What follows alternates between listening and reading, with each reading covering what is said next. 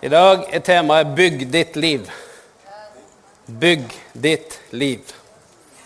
Det er en kort eh, preken, men det er en hel jobb hvis du skal bygge ditt liv. Det er en kort tema med eh, overskrift, men det er litt jobb å bygge livet.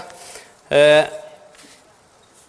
og det er jo slik at alt det vi gjør i dag, et fundament som vi kommer til å nyte av litt lenger framme. Uansett hva du bygger inn i livet ditt, så er det sånn at det vi bygger inn, det vil vise igjen litt lenger framme. Det viser kanskje ikke første dagen, kanskje heller ikke alltid første året. Men eh, det er sånn at vi tenker at vi skal bygge vårt liv og vår framtid. Eh, Nehemia 2 skal vi lese fra vers 17 til 20. Nehemia i Gamle testamentet han fikk et oppdrag om å reise tilbake til Jerusalem. Og for Jerusalem, murene lå nede. Det var, tilstanden var, var dårlig i, Jerusalem. Så de fikk eh, beskjed om Så Gud, Gud ga beskjed dra tilbake og bygge opp igjen Jerusalems murer. Så står det her og så var han kommet dit, og så samla han hele folket der. Og så sier han Men nå sa han til dem, dere ser hvor dårlig det står til hos oss. Jerusalem ligger i ruiner, og porten er brent. Kom, la oss bygge opp igjen Jerusalems mur, så vi ikke lenger skal være til spott og spe. Det er jo ingen som vil være. Så eh, så det første her, det er eh, hvordan han ser på eh, Sier til folk Se hvordan det ser ut. Her, er det, her står det dårlig til. Men så står det videre, da må jeg se i vers 18 Jeg fortalte dem også hvordan Gud holdt sin gode hånd over meg, og hva kongen hadde sagt til meg. Da sa de, la oss gå i gang med å bygge og de tok fatt på det gode verket. Neste. Ja, Vi snakker ikke om eh, disse her opprørerne. Vi tar neste. Og så sier han, han svarte disse her som eh, reagerte. Himmelens Gud vil la oss lykkes, og vi hans tjenere skal gå i gang med å bygge. Men dere har ingen del og ingen rett i, og ingen historie i Jerusalem. Så eh, det som skjer her, det er jo at uh, han forteller dette skal vi gjøre. Og så sier folk yes, vi vil gå i gang med å bygge. Og så er det noen som er veldig, eh, misliker det. Veldig. Og så bare proklamerer de overfor alle de som er der, og de som Det er at Gud selv vil gi oss framgang.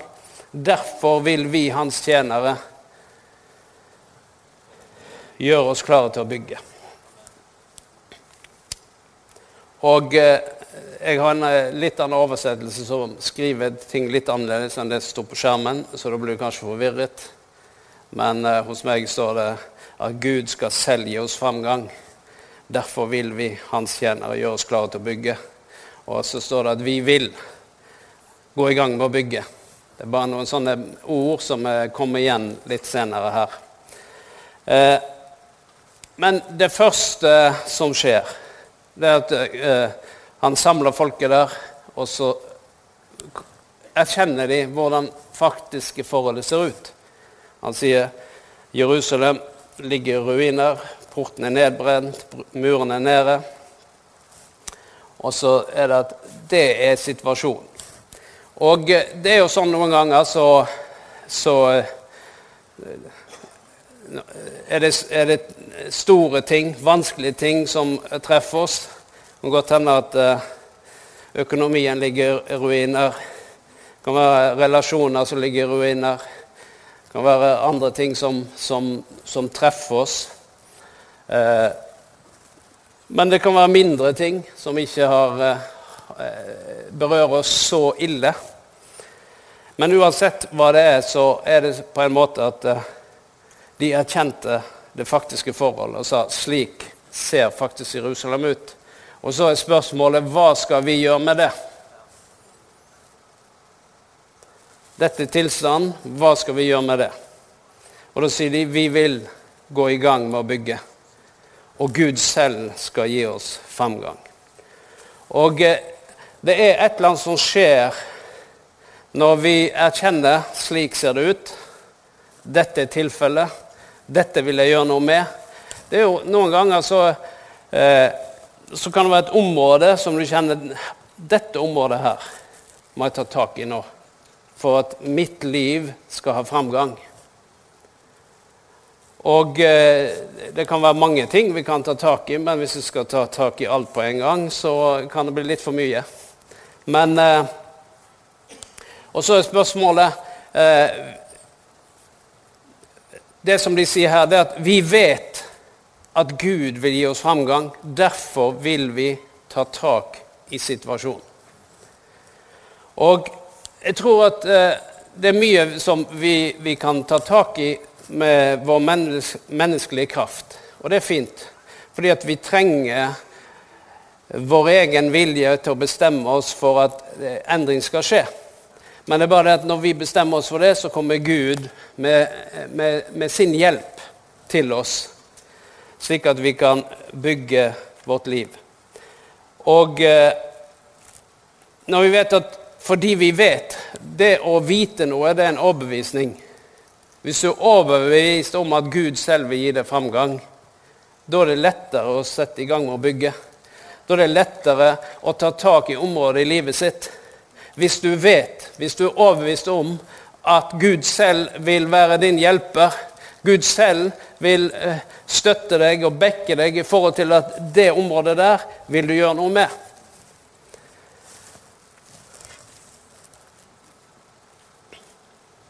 Men for å komme videre så må vi først, som de gjorde, erkjenne situasjonen. Og eh, da må vi tenke at eh, det kunne vært bedre. Det kan jo være at du finner ut at jo, men dette er situasjonen, og det kunne vært bedre. Og du kan òg tenke at ja, men det kunne vært verre. Men det er det som skjer hvis du tenker ja, det kunne vært verre. Eh, da, eh, med en gang du begynner i den enden der, så tenker du at eh, ja Så det er jo ikke så ille, for det kunne jo vært verre. Så da kommer det inn en eller annen tanke at det her trenger jeg ikke gjøre noe med. Se på den, se på det, se på det, se på sånn. Ja, det er i grunnen ganske greit. Men du vet, det nest beste er det bestes verste fiende. Fordi at vi slår oss til ro med noen ting mens kanskje Gud har noe bedre for oss. Og tenker ikke, Nå tenker jeg bare på åndelige ting. Å, du skal ha mer drømmer og visjoner og mer kraft og sånn. Nei, jeg tenker rett og slett på livet vårt. Fordi livet, det møter vi alle. Og det å, å på en måte eh, ta tak i ting slik at vi kommer videre. Og da må vi tenke at eh, det kunne vært bedre, og at eh, det fins mer. Og at Gud vil selv gi meg framgang. Det betyr at han vil være med meg, han vil støtte meg, han vil hjelpe meg. Og da kan det være at hvis du kommer til den erkjennelsen Ok, det her i livet mitt vil jeg ta tak i. Det her vil jeg gjøre noe med. Så eh, kan du stille spørsmålet hva er mitt største hinder? Eller hva hindrer meg egentlig i å ta tak i dette? Det er et godt spørsmål. Fordi at Én eh, ting er at du vet at det der vil du gjøre noe med, men da må du tenke hva hindrer meg egentlig til å oppnå det jeg vil? Hva står i veien for at jeg skal oppnå det jeg vil? Eh, og da må vi legge bort det som hindrer. Det står i Hebreerbrevet 12, 1 og 2 at vi skal legge bort det som hindrer. Det som prøver å holde oss igjen når vi løper. Så hva kan hindre meg? Det kan være vaner. Det kan være mangel på disiplin. Det kan være anklager, fordømmelse, skam. erfaringer som en har gjort seg, som roper så høyt at forandring det er et stort fjell. Det kan være skuffelse på noe som ikke gikk bra. Det kan være utegivelse, noen som tråkker på deg. Det kan være penger, det kan være livsstil. Mange ting som kan være et hinder for at jeg skal ta et steg framover. Og derfor, Hvis du da vil ta et steg framover, hvis du tenker dette området skal jeg gjøre noe med, da tar du et steg framover. Og så må du tenke hva hindrer meg nå til å fullføre det som jeg vil, og oppnå det som jeg ønsker? Og da kan du se litt på det. Og eh, en annen ting som vi må gjøre, det er at vi faktisk må ta ansvar for vår egen tilstand. For mange ganger så tenker vi at eh, OK Skal vi se Hvem kan vi skylde på? Hvem har ansvaret? Og det kan godt hende du har veldig gode årsaker til at det er som det er. Men det kommer ikke til å hjelpe deg videre. For det er ikke sikkert de er, plass, det er, ikke sikkert de er i livet ditt lenger. Læreren på skolen som uh, som sa det og det og gjorde det og det den gangen i 1978. Eh, Han pensjonist. Og hvis da du skal holde fast på det som skjedde der og da den gangen i det rommet, så kommer det til å hindre deg i å komme videre. Og da må en slippe det, rett og slett.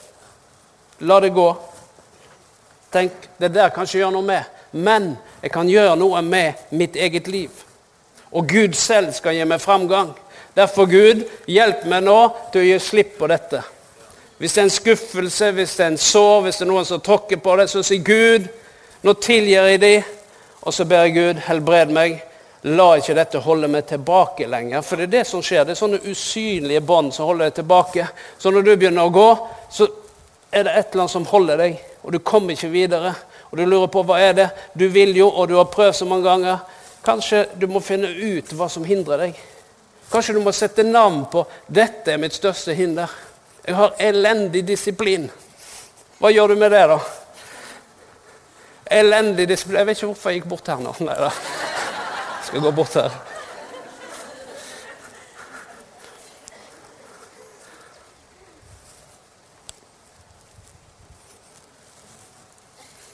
Ja, vi snakker ikke mer om det.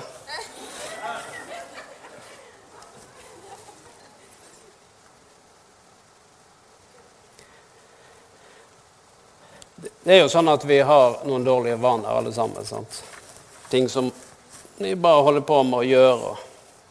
Og eh, det er jo sånn at eh, det er en teori om at hvis du skal etablere nye vaner, så er det en myte som sier at da må du gjøre det i 21 dager, så er alt bra. Men det er faktisk en myte.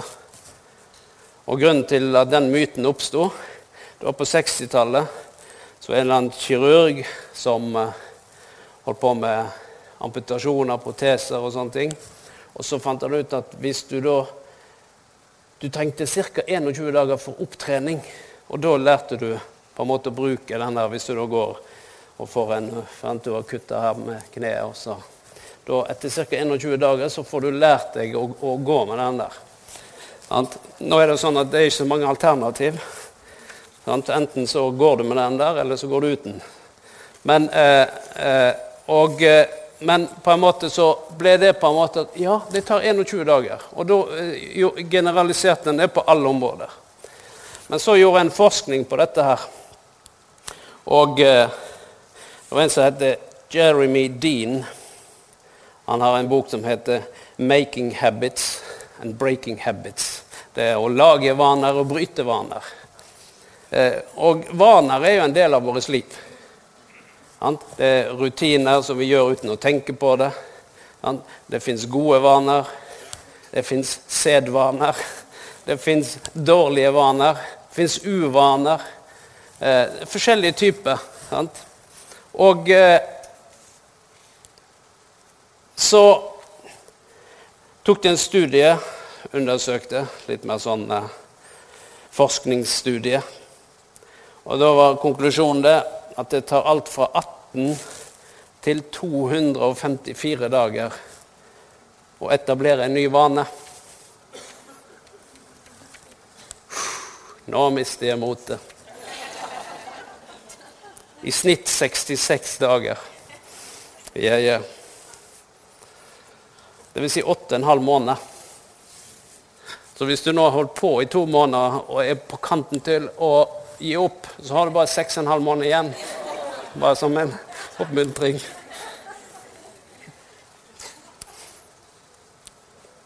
Og eh, han sier at Men egentlig fins det ikke noen fasit eller magiske tall. Og så tenker en del at hvis du da sprekker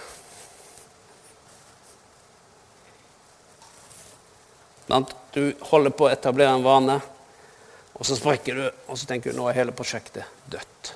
Dette virker jo ikke. Da kommer denne mismodigheten, denne tanken på å gi opp. Den kommer snikende inn. Og så tenker en at nå må jeg begynne helt på nytt. Hvis du skal slutte å røyke eller snuse, f.eks., så får du en sprekk. Helt sånn bak låveveggen.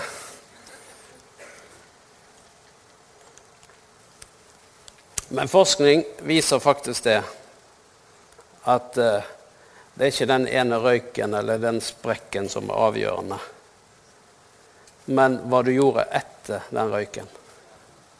Det er det som er avgjørende. Og Sånn er det når vi skal etablere nye vaner. Så er det sånn at uh, Da er det kanskje to steg, tre steg fram, og så plutselig går det et steg tilbake. Men da skal ikke du fokusere det steget tilbake, men da skal du fokusere de tre stegene fram. Fordi at eh, om du sprekker, så er det hva du gjør etter sprekken som er avgjørende, ikke selve sprekken. Og da har vi slik at vi fokuserer ofte veldig på den ene negative tingen. Sånn at du har to måneder med fremgang, og så én sprekk. Og så fokuserer vi på den ene tingen istedenfor de to månedene som gikk framover. Da er det slik at de to månedene som førte deg framover, de vil hjelpe deg til å gå framover videre. Det vil ikke stoppe hele prosjektet. Og Derfor må du tenke det. Jo, jeg skal faktisk etablere en ny vane i mitt liv. og Jeg gir meg ikke før den er etablert. Hva skjer da? Da endrer du på livsstilen din.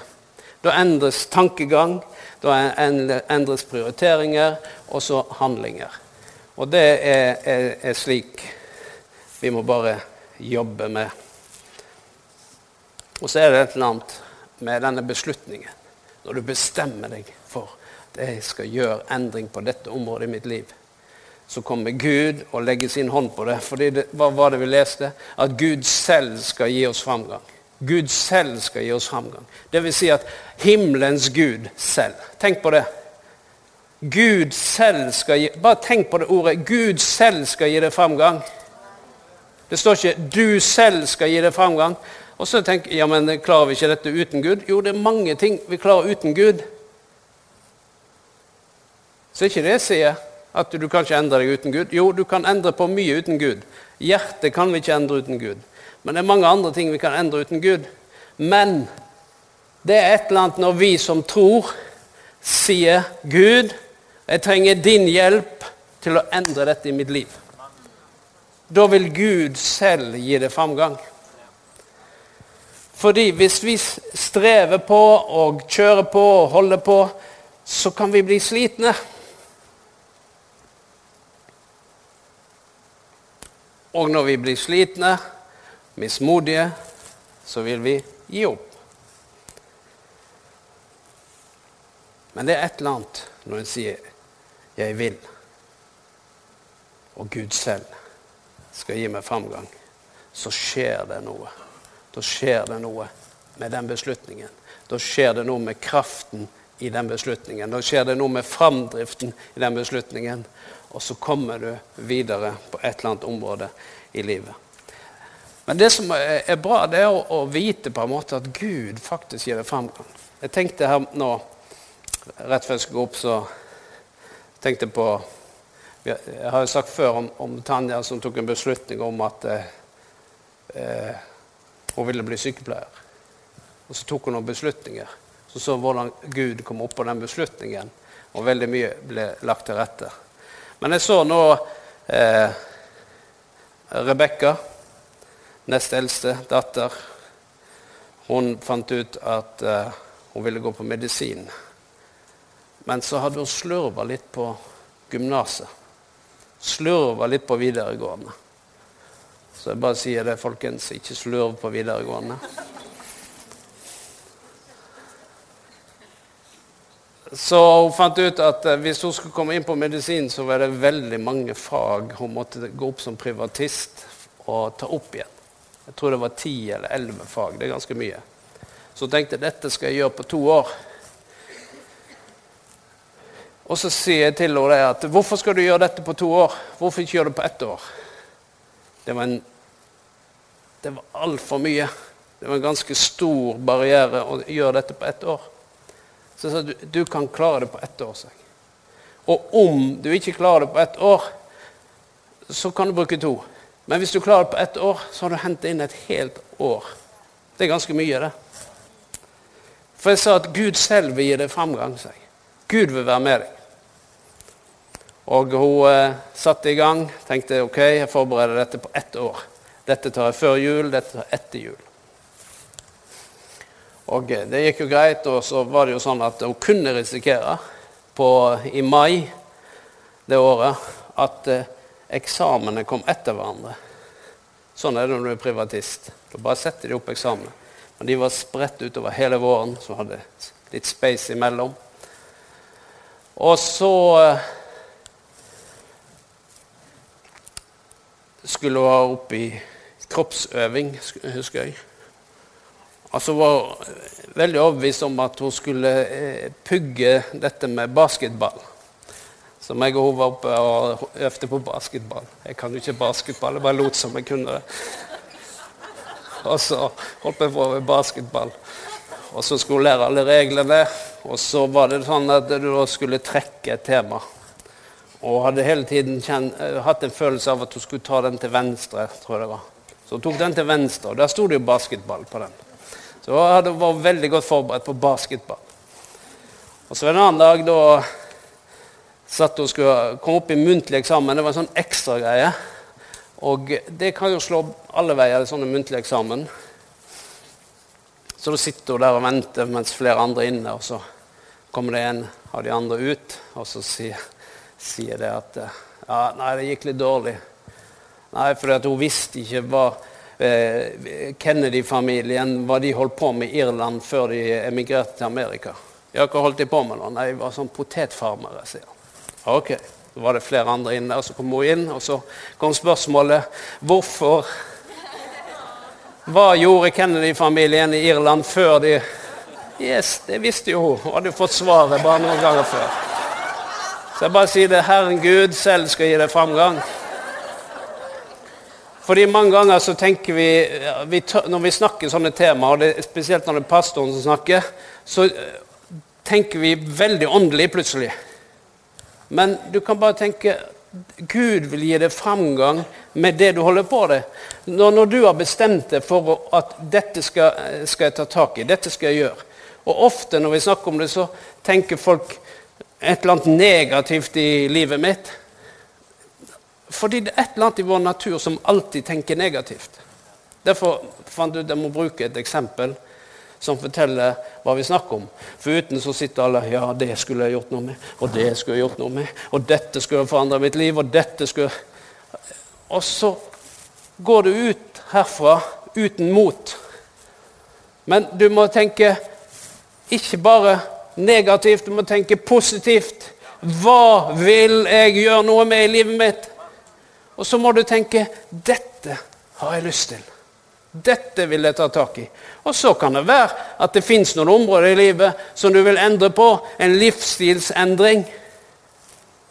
Det er òg mulig. Men hvis du i alt, uansett hvilket område det er på, om det er negativt, om det bare er en justering på et eller annet, om det er noe positivt, om det er noe du har lyst til, om det er noe du har tenkt på Så tenk det vil jeg. Og så skal neste tanke være og Gud selv vil gi meg framgang.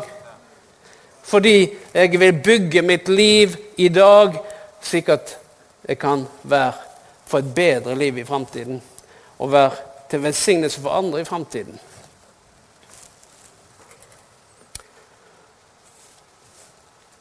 Så det være at vi må ta noen radikale valg hvis du vil bestemme deg for noe så må du tenke det at eh, Du må tenke sånn at du kan ikke forvente et annet resultat hvis du fortsetter å gjøre det du alltid har gjort.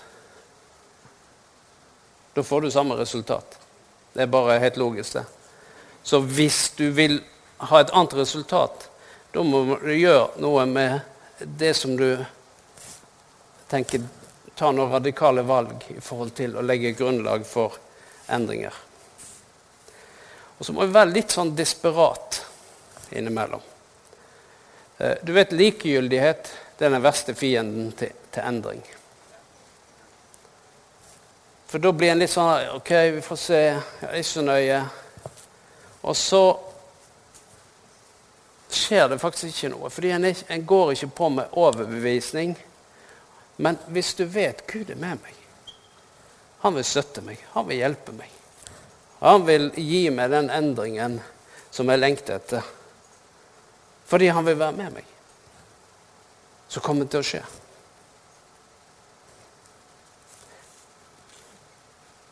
Vi skal bare ikke gi opp. Vi skal bare ikke tenke 'nei, det går ikke'. Fordi at Gud han har kalt meg til godt liv. Det står, eh, Johannes skrev til en som heter Gaius i 3. Johannes 1, så sier han det at han ønsker at han på alle måter skal få være frisk og ha det godt, sier han. Og hva er, det, hva er det Johannes sier her? Han sier Guds tanke om Gaius, ikke bare sine egne tanker. Denne, dette var Johannes sin gudsoppfatning, gudsbilde. Det var at uh, han er Gaius her skulle få være frisk og ha det godt, like godt som du har det åndelig, sier han. Det høres ikke så verst ut, syns jeg. Virker ganske greit. Men hva er det Johannes gjør her? Han tar Guds tanke, hva som er hans gudsbilde, og så tar han det, og så sier han dette er det Gud vil for deg. Gud selv vil gi deg framgang.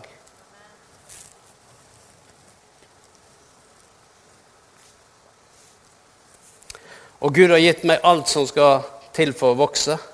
Og du har Guds tillatelse til å bevege deg videre. Du behøver ikke spørre Gud om lov.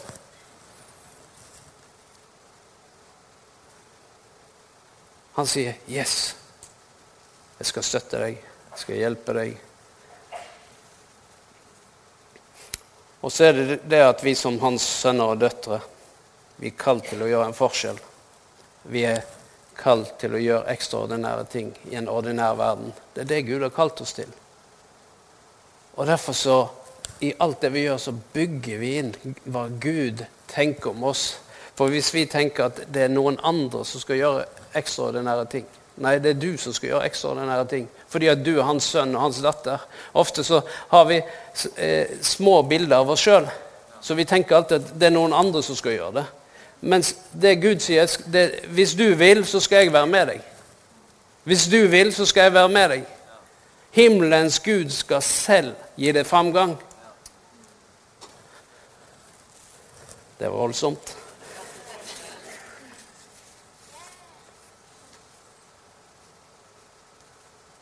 Jeg er ikke så sikker på om han kan bruke meg.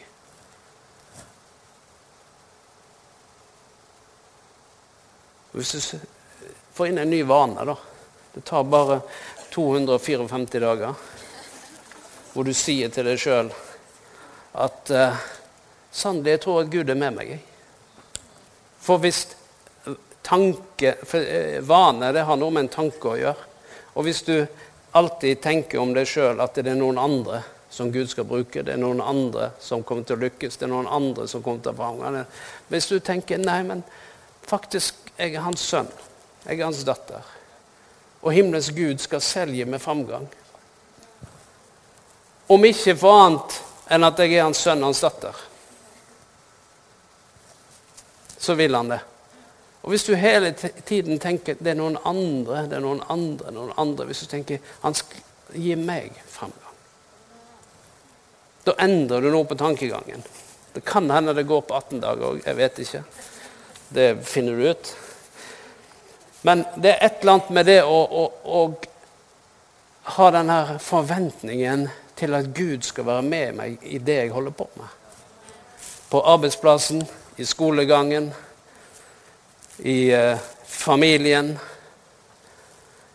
Uansett hva du gjør, så er Gud med meg. I relasjonene som du omgjør deg med. Så tenk Gud, jeg vil gjerne ha framgang når det gjelder den personen. Det kan være en person som du opplever Den personen der mm, Det er et eller annet der. Så istedenfor så kan du si Gud, jeg bare velsigner den personen i Jesu Kristi navn. Og jeg ber Herre at du skal gi meg framgang, slik at jeg kan komme nær den personen.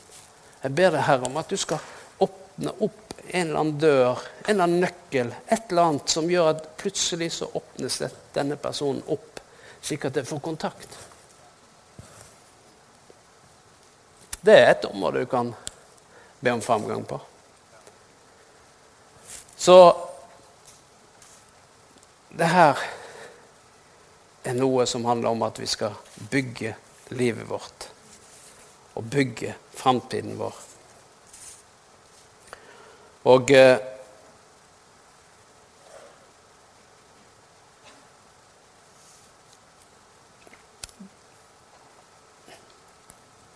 Nå har vi snakket om framgang. Vi kan snakke om tilbakegang. Kan snakke om stillstand. Det er jo noen ganger sånn at hvis vi tenker at eh, vi ikke gjør noen ting, ikke beveger oss helt stille, ikke noen ting skjer, så går det fint. Men det er bare at verden går videre. Alt går videre. Så hvis du har putta 1000 kroner i madrassen i 1960, og du tenker Jesus, jeg skal spare til pensjonen, så du putter den i madrassen i 1960, så er den tusenlappen den er verdt 75 kroner i dag. Så eh, Bare som et tips til deg som har mye tusenlapper i madrassen. Faktisk er det sånn at eh, den tusenlappen som du har hatt i lommeboken din i fem år, den er nå blitt til 888 kroner.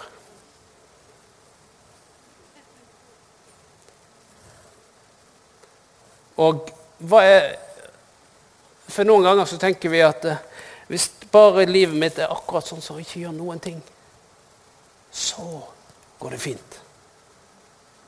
Men det er et eller annet Og Jesus brukte eksempelet om disse som fikk talentene. Han ene gravde det ned, så kom han igjen. Og da sa han den er jo bare verdt 75, han var verdt 1000, og jeg ga han til deg. Men nå, hvis du om, i det minste hadde gitt det til banken, så du hadde, da hadde du i hvert fall fått rente på det, sier Jesus. Eh, og Derfor så er det noe med det med at eh, jeg tror Gud har kalt oss til å bevege oss framover. Og når vi står stille, så skjer det noe med våre liv. Og vi legger ikke merke til det. For vi tror at eh, vi har denne tusenlappen foran oss, og så tenker vi at ja, men mitt liv har samme verdi. Ja, det har samme verdi. Ikke misforstå det. Men nå snakker vi om pengeverdi, ikke din menneskelige verdi. Men da tenker vi at eh, hvis jeg ikke gjør noe med dette her, så kommer det til å gå bra. For det har jo gått bra så langt. Men det er et eller annet hvis du begynner å investere det som Gud har gitt deg. Hvis du begynner å investere og bruke livet ditt, så kommer verdien til å øke, ikke til å minke. For da blir det en multiplikasjon. Fordi du blir ikke bare til velsignelse for deg sjøl, for det er det så lenge vi har tusenlappen i madrassen, så tenker vi bare på oss selv. Men hvis du investerer den, så tenker vi på andre. Og det er det Gud har kalt oss til. Han har, tenkt, han har kalt oss til å leve et liv hvor vi skal bygge vårt liv på en slik måte at vi blir til velsignelse for andre. Og at ikke det bare handler om å overleve neste uke og neste måned og neste år. Fordi vi er hans sønner, vi er hans døtre. Og som hans sønner og døtre så kommer Gud til å gi det framgang.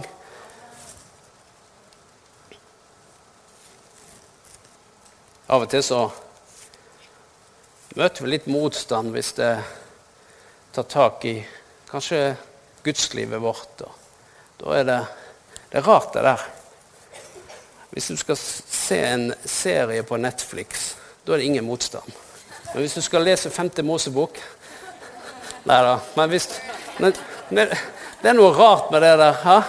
Med en gang nå skal jeg be til Gud. Åh. Mm.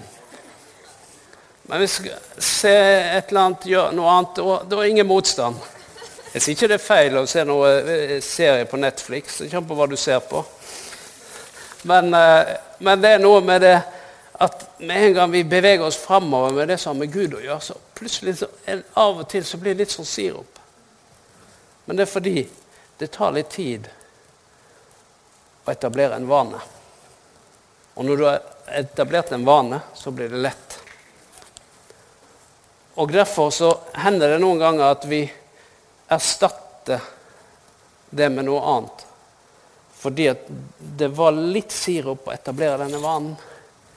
Men hvis du bare gjør det i 254 dager, så kommer gjennombruddet. Kanskje 66, jeg vet ikke. Men eh, i hvert fall så er det noe med det når du skal etablere en ny vane, om det gjelder i ditt praktiske liv, om det gjelder økonomien din, om det gjelder ditt åndelige liv, om det gjelder relasjoner, om det, hva det måtte være. Så gi ikke opp. Men bestem deg. Jeg skal etablere en ny vane. Så skal du se det begynner å bryte igjennom. Men det kan være det krever litt disiplin. Det kan være at du må feite litt.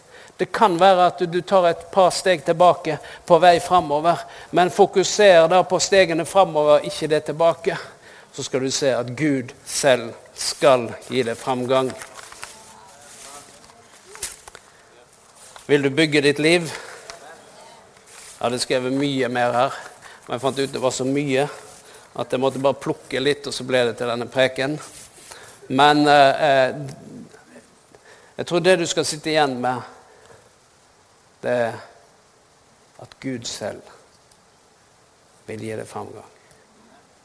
Er det noe mens jeg prekte, som slo ned i tanken din? For ofte er det sånn når du står her og preker, så vet ikke jeg hva som du tenker på. Men Den hellige ånd vet hva som Og mens jeg snakket, så plutselig kom det en eller annen tanke på et område i livet ditt. Eller et eller annet kanskje som du hadde lyst til å gjøre. Plutselig datt den tanken ned. Når møtet er slutt, så skal du ta opp igjen den tanken. Og så skal du si, 'Herre, er, det noe her som du vil?' at jeg skal ta tak i? Er det en drøm som dukker opp, som var der for noen år siden, som nå plutselig dukker opp igjen? Så tenker jeg ja, men denne drømmen, den har jeg hatt. At kanskje du skal la den drømmen bli en virkelighet. Kanskje det var en person du tenkte på når jeg sa at kanskje det er denne personen du jobber med, og så syns du det ikke har vært noen framgang. Skal jeg be Gud selv skal gi meg framgang. Jeg ber deg, Herre, Velsigne den personen. Samme hva det var som berørte deg når jeg snakket nå, så tror jeg at Den hellige ånd For Gud er vår hjelper. Den hellige ånd er vår hjelper. Han er vår advokat, han er vår støtte, han er vår hjelper. Og da plutselig kommer det noe til livet ditt mens jeg snakker. Og da skal du tenke kanskje det er Gud som ønsker å hjelpe deg til framgang. Kanskje det er Gud som ønsker å bygge noe inn i livet ditt. Kanskje det er Gud som ønsker å se at du tar nye steg. Jeg vet ikke, men du må teste det. Du må teste det.